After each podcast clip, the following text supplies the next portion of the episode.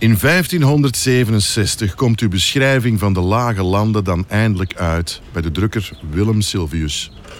De tijdsperiode die jij beschreef was merkwaardig. Jij beperkte u zich tot de jaren 1555 tot 1560. Wat dus wil zeggen dat jij de beeldenstorm van 1566 hebt vermeden en in feite alles wat met de gistende godsdienstoorlog te maken had ontweek. Jij ontweek de storm en beschreef de vrede van voor de storm.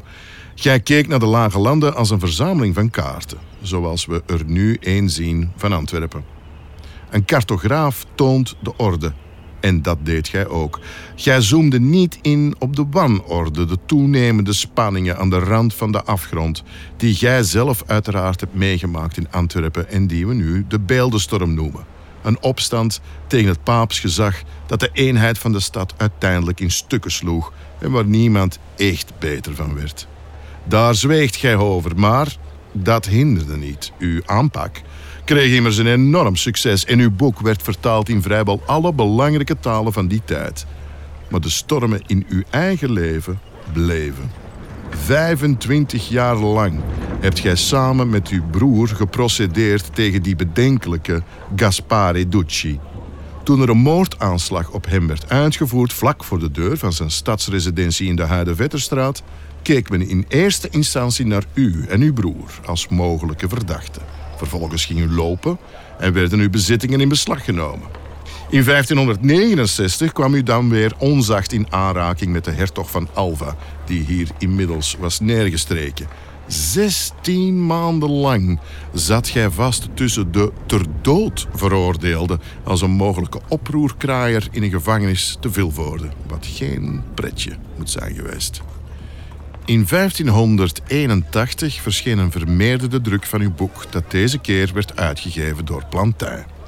Het stadsbestuur bood u een gouden halsketting aan, maar jij vroeg of je in de plaats daarvan geen baar geld kon ontvangen, gezien jij weer in geldnood zat. Het jaar daarna vloog u weer in de bak, want je zou betrokken zijn geweest op een moordaanslag op Willem van Oranje, maar je geraakte relatief snel weer op vrije voeten.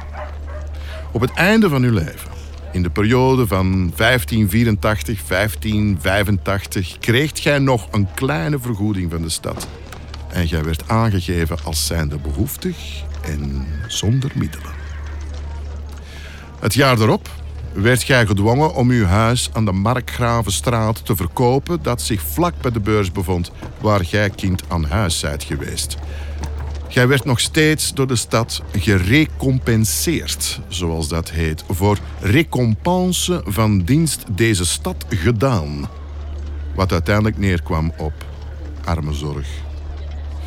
Jij werd nog steeds hoog geacht, maar geld haalde jij er niet meer uit. Jij werd een smekeling op het stadhuis, die geen rustig einde in het vooruitzicht had. Vlak voor uw dood werd u nog overvallen en gegijzeld door een bende geuzen, maar die zagen meteen dat deze kei niet meer kon worden gestroopt.